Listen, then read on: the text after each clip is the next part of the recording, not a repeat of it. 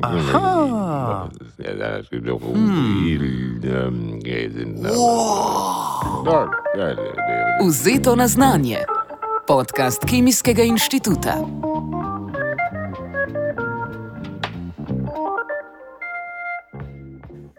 Lepo pozdravljeni v drugi epizodi podcasta Kemijskega inštituta z naslovom Vzeto na znanje. Danes gostimo profesorja dr. Mateja Praprotnika, vodjo laboratorija za molekularno modeliranje in nekdanjega predsednika znanstvenega sveta PRACE Partnership for Advanced Computing in Europe. Tema današnje oddaje oziroma današnjega podcasta pa bo urgentno superračunalništvo eh, in kako je bilo superračunalništvo tudi nepogrešljiva pomoč v boju proti pandemiji in drugim globalnim družbenim izzivom. Lepo pozdravljeni. Lepo pozdravljeni. Torej, danes bomo govorili o superračunalništvu, za kar seveda potrebujemo superračunalnike, kot že samo ime pove. Zdaj, mogoče za začetek bi nam lahko povedali, kaj pravzaprav so točno superračunalniki, kako se razlikujejo od osebnih. A tukaj govorimo samo, da gre za večje število procesorjev. To govorimo v bistvu, definicija je taka časovna. Ne. Superračunalniki so zmeraj najmočnejši računalnik v danem trenutku pač na svetu. In zato se ponovadi raz- razlikujejo od uh, namiznih, potem da so ponovadi v nekih velikih uh, dvoranah ne. in imajo seveda veliko število procesorjev. Mislim, to je osnovna definicija.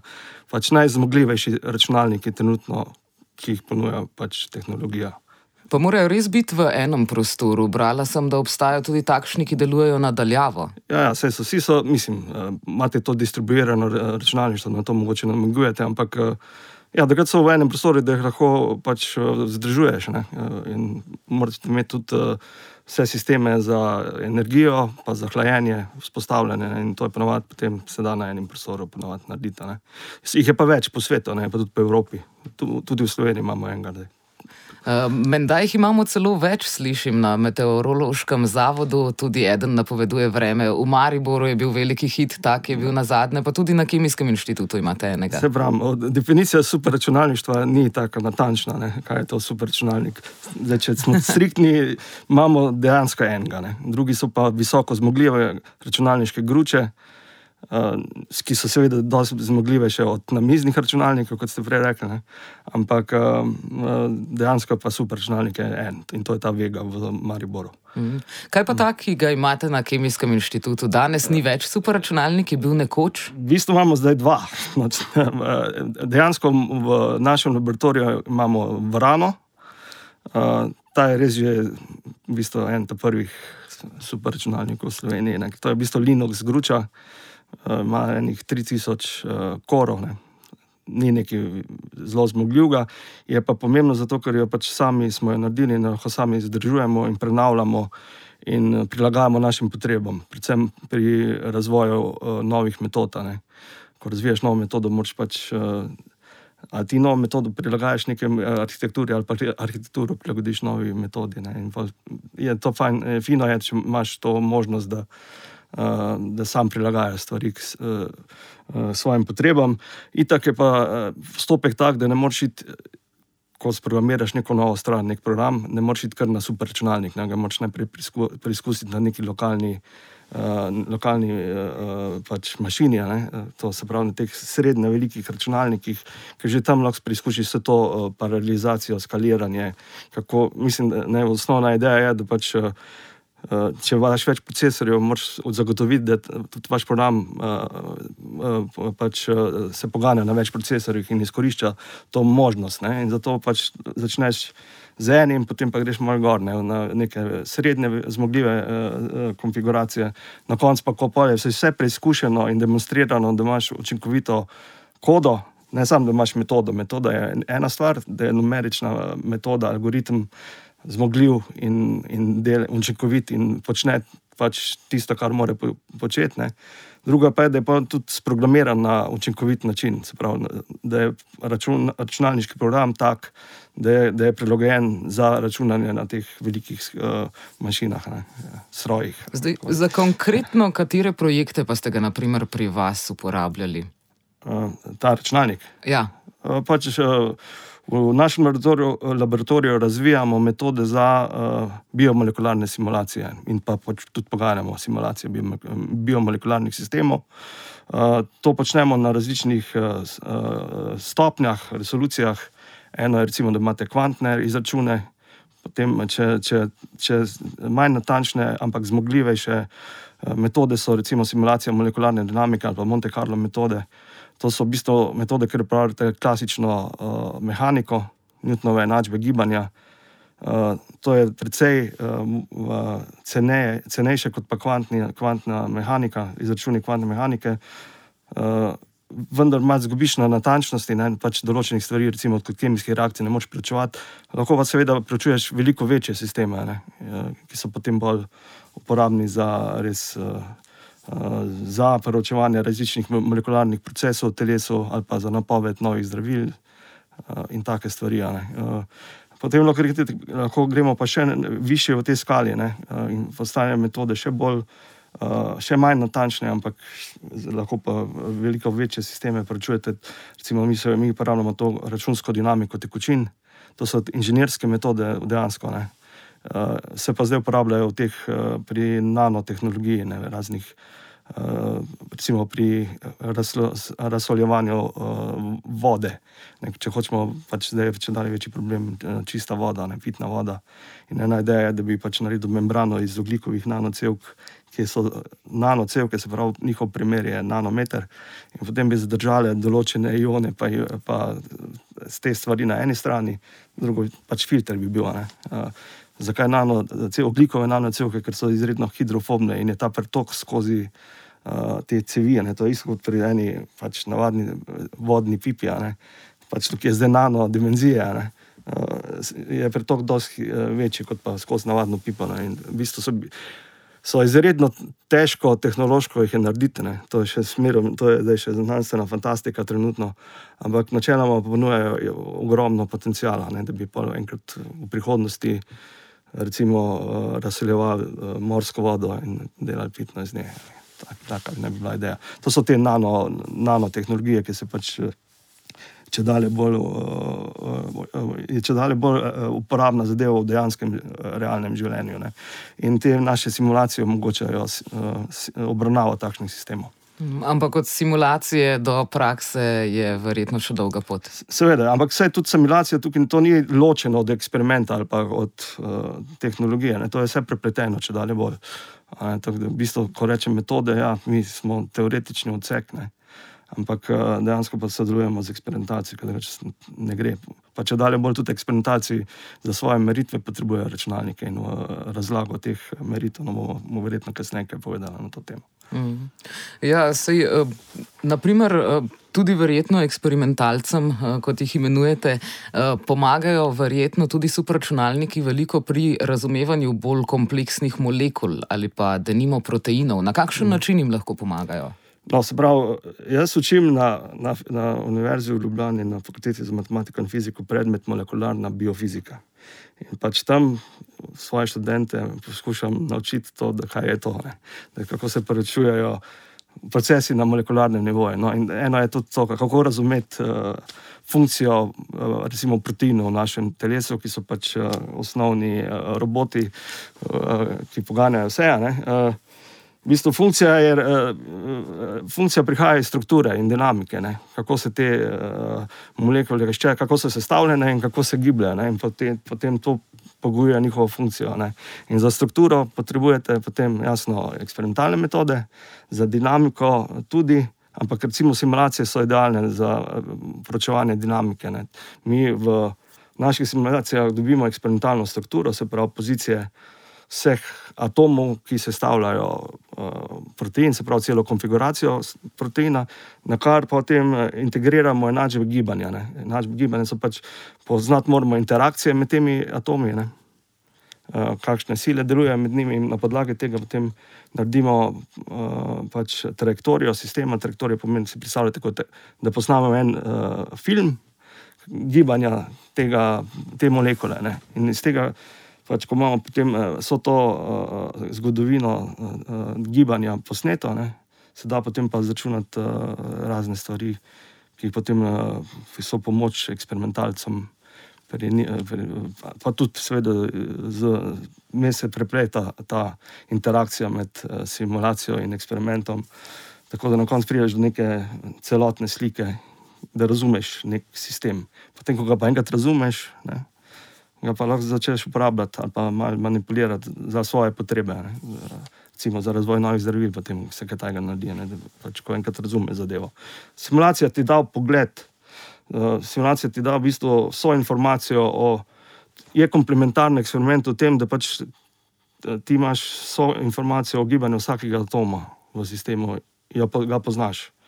Ne, so, to, so to gibanje in to, to iz tega se da pa prek, recimo, ena taka teorija je statistična mehanika, ne, ki povezuje mikroskopske lastnosti sistemov z makroskopskimi.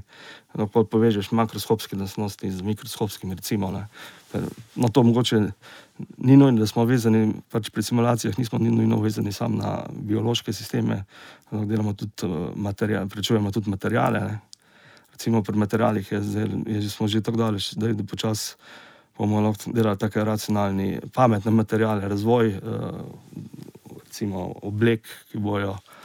Uh, vem, šlo no vse eno, eno srajco čez celo leto, ne, zdaj nočem reči higien, higiensko ne bo, ampak hočemo vedeti, pri vsakih temperaturah se bo prilagajala, ne, ali kaj takega. Uh, ker boš pač pametni material naredil na, na podlagi eh, s, eh, osnovnih gradnikov, ne, ki ga sestavljajo. Ne to, to, recimo, ta, ta, to povezavo med različnimi stopnjami opisa neke snovi, zato je recimo, eh, simulacija idealna. Ne.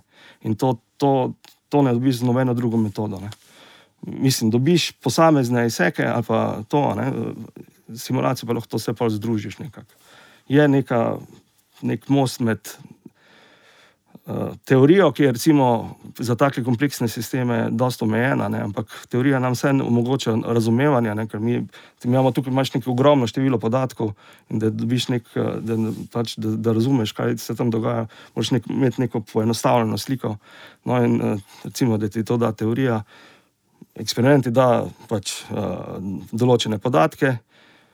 In zdaj, vest med tem je pa simulacija, ne, med tema dvema slikama. Če moramo tudi reči, da eksperimentalni podatki to ni nujno, da so to realnost. Ne. Mi si skozi predstavljamo, eksperimentalni, eksperimentalci nam dajo zmerom realno sliko, mi pa moramo nekaj in tam nekaj simulirati. To ni res, ker tudi za, za, za, za strukturo, recimo biomolekul, ne potrebujete samo, za samo strukturo, ki je v bistvu uh, vhodni podatek za naše simulacije je pa tudi tisto vhodno strukturo eh, dobi, pridobite z modeliranjem. Se pravi, že tam noter je upleten. Tisto, kar rečemo, da je eksperimentalna eh, slika, je že tam noter.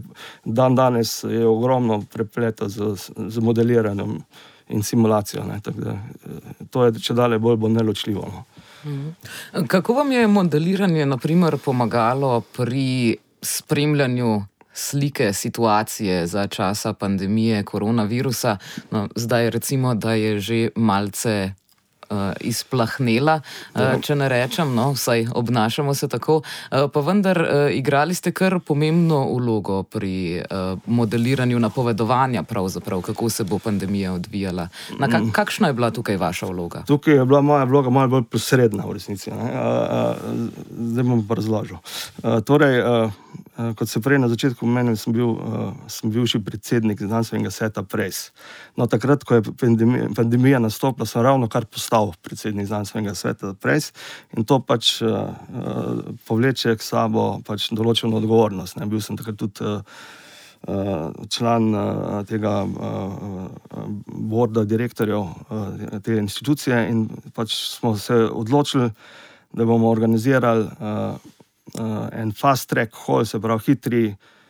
Torej, prej, da ne razložim, kaj je sploh prej. Prej je v bistvu uh, ena evropska agencija, ki povezuje vse te največje superračunalniške centre, pet največjih v Evropi, članice pa dejansko so članice uh, 26 držav, evropskih članic te organizacije. Ideja pa je, da ti superračunalniški centri ponujajo dostop do superračunalnikov, ne, se pravi, računalniški čas. In to si predstavljate računalniški čas, se pravi, ti moraš imeti nek projekt, To je podobno kot eh, recimo pri nas na RRS, ko se prijaviš kot raziskovalec na neke znanstvene projekte in dobiš financirano svoje raziskovanje.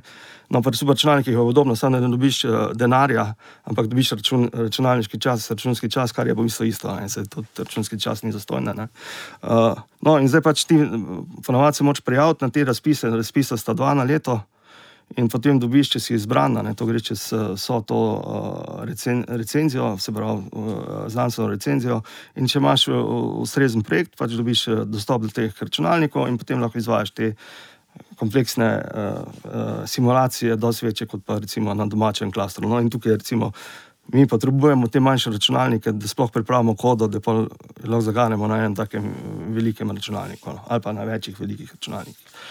No, in zdaj, kot sem rekel, eh, razpisa sta dva. Se pravi, tipično traja, do, če si se odloči, da boš se prijavil na en tak eh, razpis in, in si uspešen, potrebuješ recimo pol leta, da sploh priješ do dolgega časa, ne?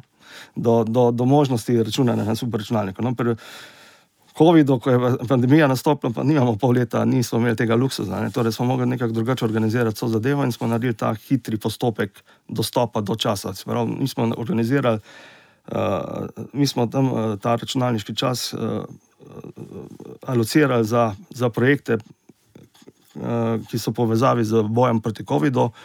Uh, ideja je bila, da pač lahko vsak, ko ima pač neko do- dobro idejo na, to, na, na tem uh, boju proti COVID-u, se prijavi na naš uh, ta, uh, ta razpis in dobi v, te, v roku enega tedna dostop do superračunalnika.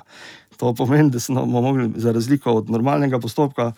Nas je enih pet znanstvenikov, se pravi, uh, uh, delali vsak dan, smo bili recenzenti za projekte. ne. Mislim, Bili smo kot editorji pri uh, revijah, no mi se nismo bili recenzenti, recenzenti so bili isto, ostali uh, pač, uh, znanstveniki po svetu, vsak, dobil, vsak projekt je dobil vsaj dva recenzenta, ne. mi smo bili pa kot editorji, recimo, in smo pač uh, pošiljali, uh, izbirali smo recenzente in pol na podlagi teh poročil uh, določali, a bo kak. Projekt sprejet ali ne. ne. Zdaj, eh, sprejemali smo različne projekte, torej od bioinformatike ki je, eh, do biomolekularnih simulacij, do biostrukture. Ne, pravi, želeli smo razumeti, kako pride do okužbe, kak je ta, kak je ta pač proces. Uh, Če je možno, tudi uh, smo uh, razviti novo zdravilo na podlagi tega, ali pa cepivo. ne. Uh, potem uh, hoteli smo tudi gledati, recimo, kako se virus širi v sobi ne, prek kapljic. ne. Uh, to smo preučevali, imeli smo tudi čisto epi- epidemiološko, to čisto globalno epidemiološko sliko, ne, kako se pač bolezen širi. Vse te projekte, vseh teh različnih tematik smo pač spremljali.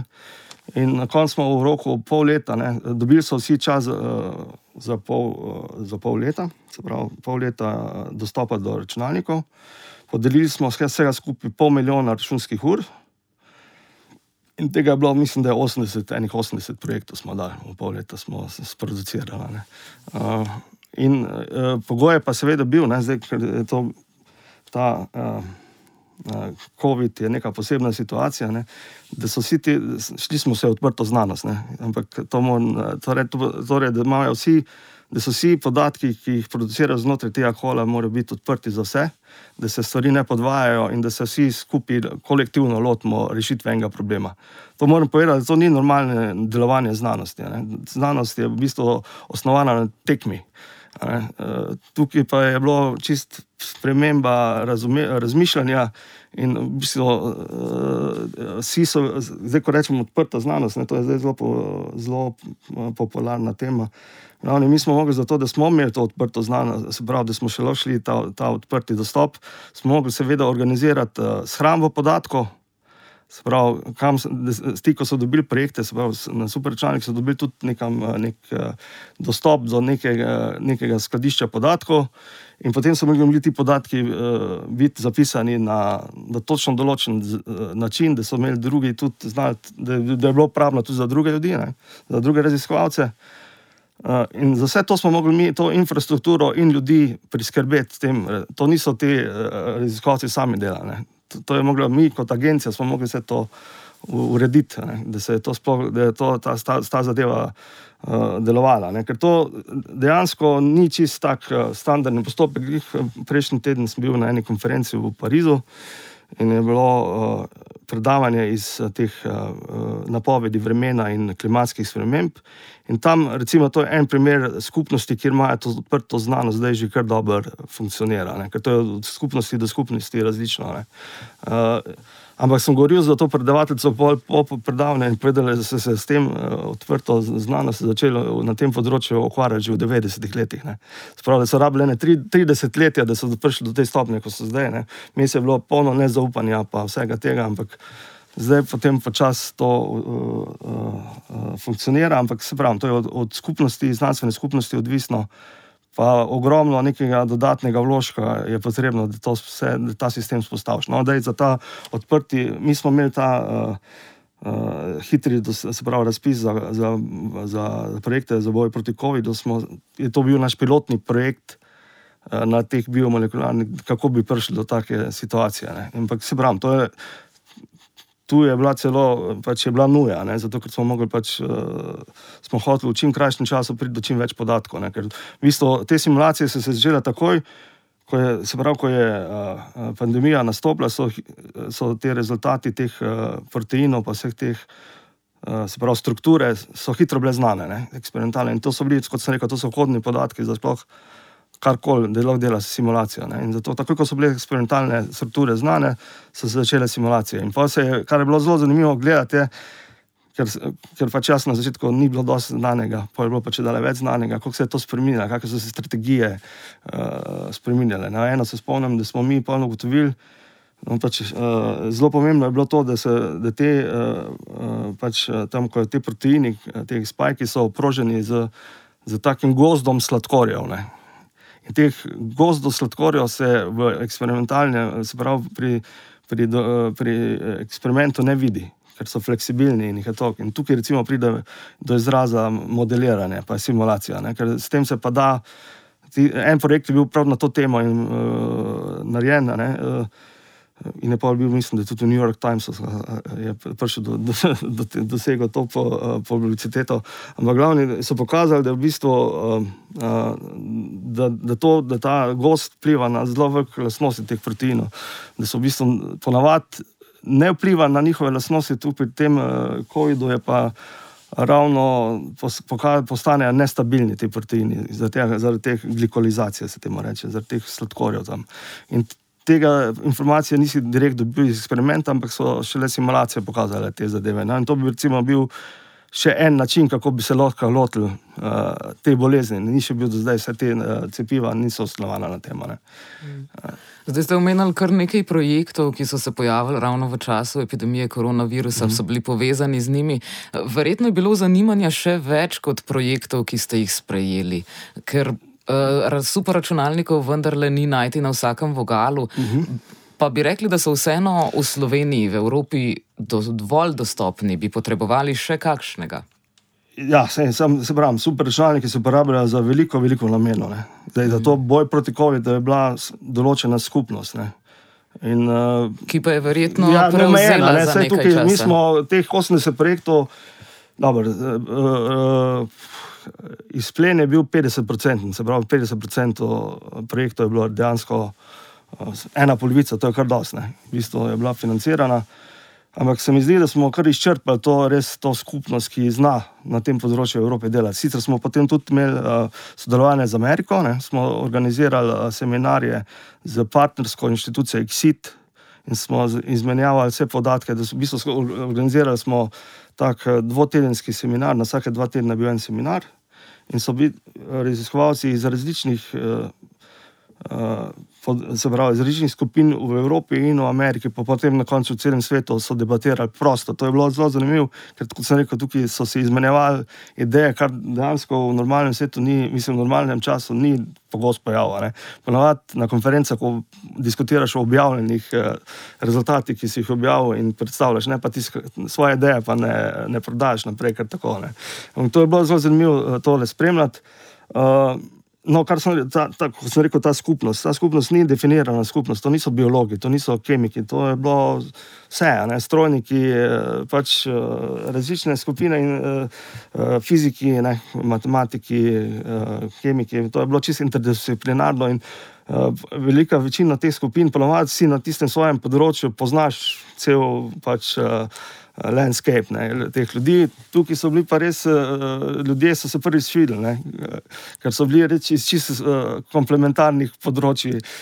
Pa, za tak nov projekt so pa prišle te razne skupine in zdaj so skupaj, ne, zdaj, kaj je zdaj izpen tega fast track kola. Ne, Težko je pričakovati, da boš računalnik, kljub temu, da so super, je tukaj ni, to so dolge simulacije, ne, to se mi pogovarjamo o mesecih, letih. Eh, Spravo, koli so, recimo, tipično dobiš uh, za te razpise naprej, so leto za časa. Spravo, leto je sploh, da ti. Poganja simulacijo, pa, pa da še analiziraš, pa se to narediš. Zdaj, za COVID, pa to v bistvu za take urgentne situacije, počasi to je enostavno, prepočasno ampak eh, vsem da pa dosti dobro informacijo, da se potem eh, v bistvu naredijo, to so take pač, nukleacijska jedra določenih. Določenih uh, uh, raziskav naredijo. Ne, grejo, pač, vse, mogoče zdaj, da ni bilo teh pol leta, bo pa čez kakih pet let bolj učinkovito zdravilo prišlo ven iz tega. Zapravo, da bo, grejo določene smeri raziskovanja, narediš prave. Ne, v bistvu, Kar je bilo zelo zanimivo pri tem fast track-olu, recimo, no, sprav, te biomolekularne simulacije so izredno drage. Ne, te epidemiološke, ko bi pa dejansko, uh, ko pa so bile bolj dostopne, ker hitreje prideš do, do, do nekega rezultata.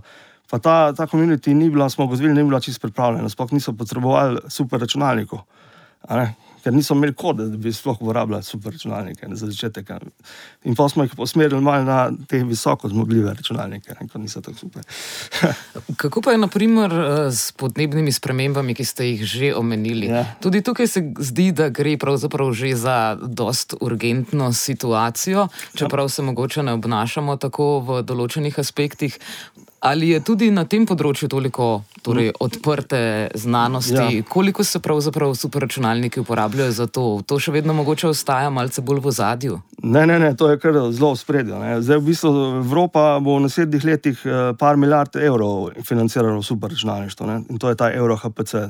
Ta prvi superračunalnik naš Vega je iz tega paketa prišel, to je bilo na začetku nekaj osem po Evropi. Mi smo zelo ponosni v Sloveniji, da imamo enega izmed osmih teh prvih, pa še v bistvu je bil prvi deloč.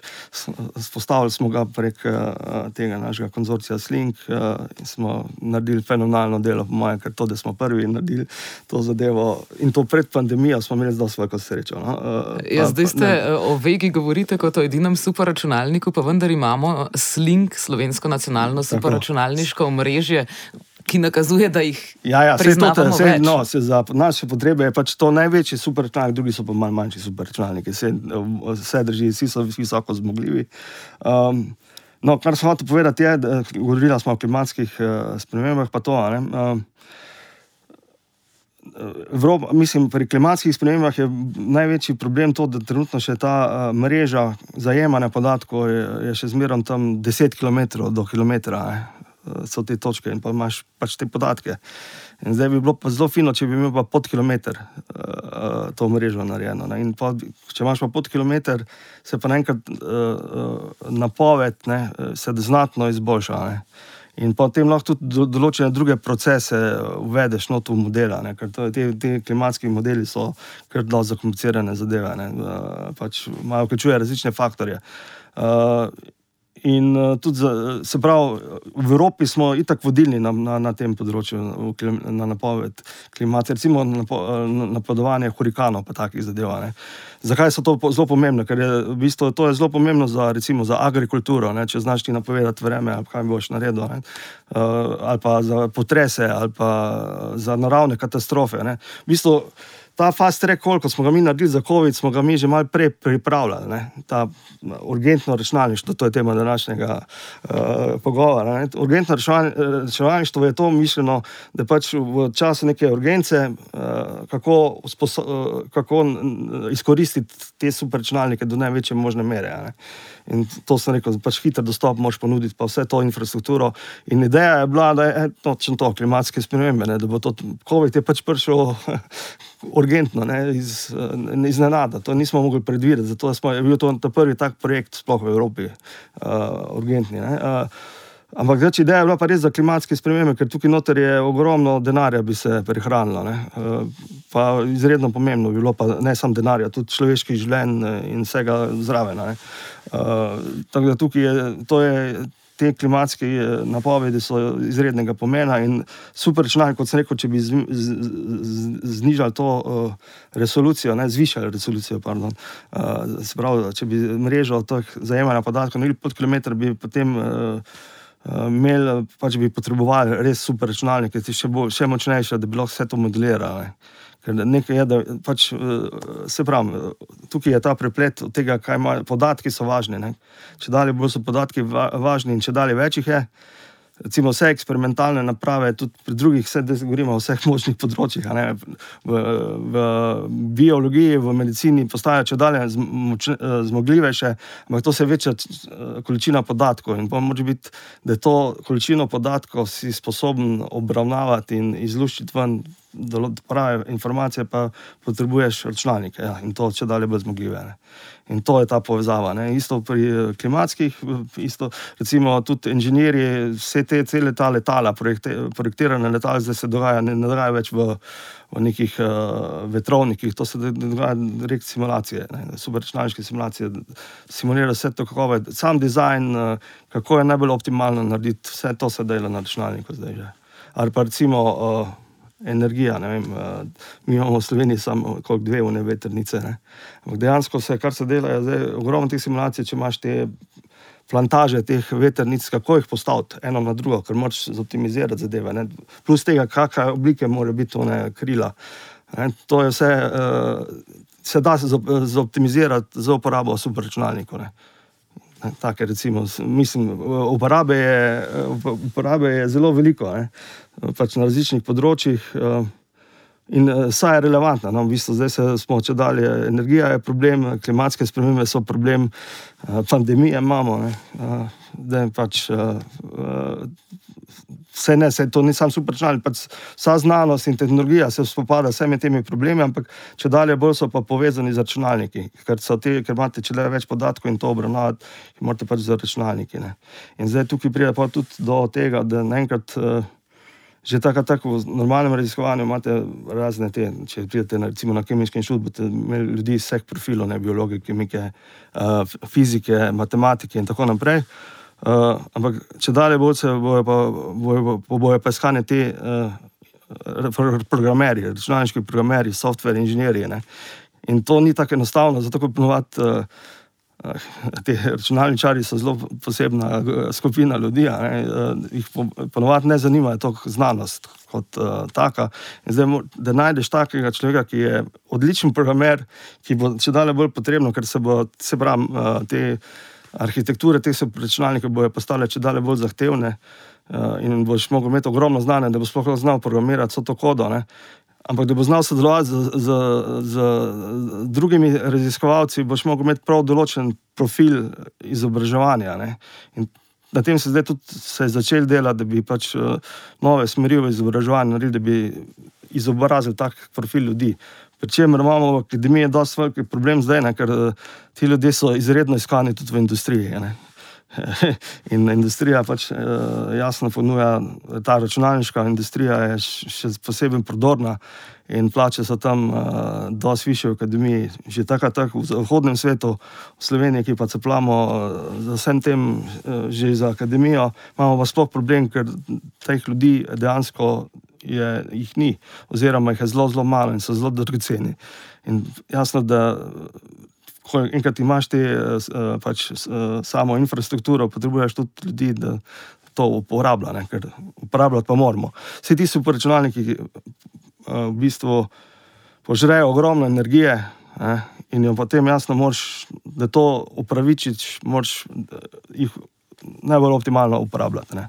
In to pomeni, da moraš imeti prave projekte, pravo kodo in maksimalno moraš izkoristiti, kar ti je dano. Ne.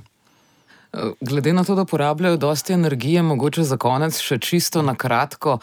To so hkrati računalniki, ki bojo oziroma že pomagajo k temu, da bi omilili posledice podnebnih sprememb, skrbijo za trajnost. Omenili ste tudi uh, simuliranje oziroma projekcije, kako naj bi izgledale obleke iz nanomaterijala, uh -huh. uh, veternice in vse podobno. Ampak kako, baterije, uh, baterije, kako škodljivi so ti superračunalniki sami za okolje? Veliko se, gre, se segrevajo, verjetno jih je težko reciklirati. Kakšen je njihov vpliv na okolje, ko naprimer enkrat nehajo služiti svojemu namenu, pa tudi med tem, ko uh, so še v uporabi. Torej, uh, življenjska doba enega tega superračunalnika je pet let. Po petih letih se ga mora pač razgraditi, pa na novo postaviti. Ne? Ker pač tehnologija gre tako naprej, da pač ni, ni smotrno imeti več kot pet let. Na to je, to je dejano, pač, tipično je pet let. Uh, kot sem rekel, so eh, veliki konzumenti električne energije, ne? ker moč hlajenje pa se to uh, narediti. Ne? Torej, uh, izredno veliko prispevajo CO2, žal posredno, ne? prek predelovanja pač elektrike. Um, in zato je nujno, da jih res, kot sem rekel, da prave projekte, uh, pač izkoristek mora biti uh, optimalna. Uh, ker uh, se pravi, pravi projekti in prave metode. Kot sem rekel, mi razvijamo metode. Se pravi, če ti narediš eno metodo, ki je hitrejša od vseh ostalih, sistem že pripomore tem, temu, da, da se v istem času ful več na računa. Uh, ali, pa, ali pa bolj optimalno, se pravi. Hitreje nekaj narediš, in s tem pripomogeš temu, da, da znižaš energetsko uh, uh, energetsko onesnaževanje superračunalnikov. V bistvu, metode morajo biti najboljše, kar se jih da, na tem se ogromno dela, se pravi, algoritmi. Uh, potem morajo biti za prave projekte. Se pravi, cena je zmeraj, superračunalnik je, se pravi, sam superračunalnik stane, plus tega, da se to naredi, ne vse te, uh, tudi vzdrževanje je drago. Ne, tukaj se pogovarjamo mi v par milijonih evrov na leto. Ne to, to ni pocen. Uh, in uh, da to upravičiš, moraš to na pravilen način uporabiti. Ponujajo pa ogromno, se, se pravi, če, če narediš prave klimatske napovedi, uh, to je zmeraj ne, nekaj daš, nekaj dobiš. Ne. Sprav, ne, smeš pa, ne smeš pa to v nič trošiti, ne? to bi bilo pa najslabše, v mojem mnenju. Ne? Pač, zmeraj moraš nekaj za dobro skupnosti početi, in potem so te dodat, dodani rezultati upravičijo to zadevo. Ne? Seveda se pa dela v sami arhitekturi do stvari, da bi pač bila energetska učinkovitost čim večja teh računalnikov. Ne. Najbolj učinkoviti so še zmeraj uh, naši možgani. Ne. Naši možgani za eno operacijo uporabljajo 10 vatov, tam imamo pa megavate. Mislim, hočem reči, da mi, človeški možgani so še zmeraj optimalni računalnik, ne. niso tako zmogljivi kot oni. Ampak recimo, dosti teh novih. Uh, Arhitektur, ko smo prej govorili, teh novih superračunalnikov bo, bo imitiral stvari iz narave. Ne pač, da boš eh, naredil bolj uh, energijsko učinkovito. Za določene, če dalje bolj bojo te superračunalnike, ne bojo, zdaj so za vse. Pač imaš eniko, uh, nek stroj, na katerem ga lahko uporabljaš za marsikaj. Zdaj bojo, zdaj bojo te nove arhitekture postali, recimo, kvantni računalniki, ki niso za vse, ne? so samo za določene type problemov. Potem boš imel kakšne neurološke uh, računalnike, ker boš videl kjer boš eh, recimo, eh, imitiral človeške možgane, kako so sestavljeni. In pač za določene type problemov bojo. Če dalje bojo, bojo računalniki specializirani. Ne? Ker kot ste opazili, eh, ta frekvenca ne narašča več ne? teh procesorjev. Zdaj, te, če se kar notebooke. Včasih se spomnim, da smo imeli, par, da si imel leto, dva, pa je bil že zastarel, ne? zdaj ga lahko imaš pa pet, deset let, pa je še zmeraj ureda. To se je nehalo rasti. Zdaj je ena varianta, bila so bile te grafične kartice, ne, ki so eni pospeševalniki eh, tega, drugo so ti kvantni računalniki. Pač določene arhitekture eh, se bodo če dalje bolj specializirale za določene type problemov. In na koncu boš imel res eh, neko mešanico različnih superračunalnikov, mogoče spet v eni na različnih lokacijah ali pa v eni lo, eh, lokaciji tega. Zdaj ne vem, kako bo, ker to je še dosti debate na to temo. Ali bo, eh, boš imeti nek računski center, ki je posvečen enemu tipu, enemu tipu aplikacije, ali pa mogoče, da imaš malo vsega. Ne. To, to so recimo debate.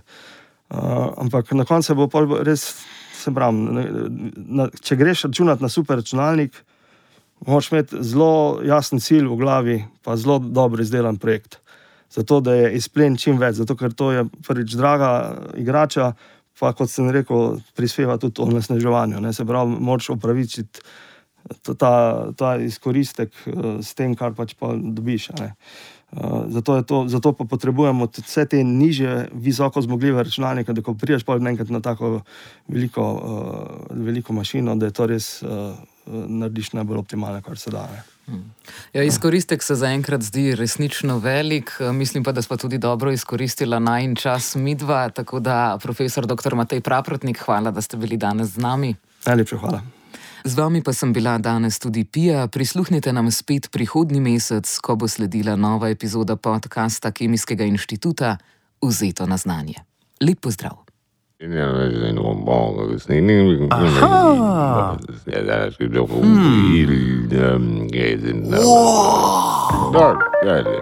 Vzeto na znanje. Podcast Kemijskega inštituta.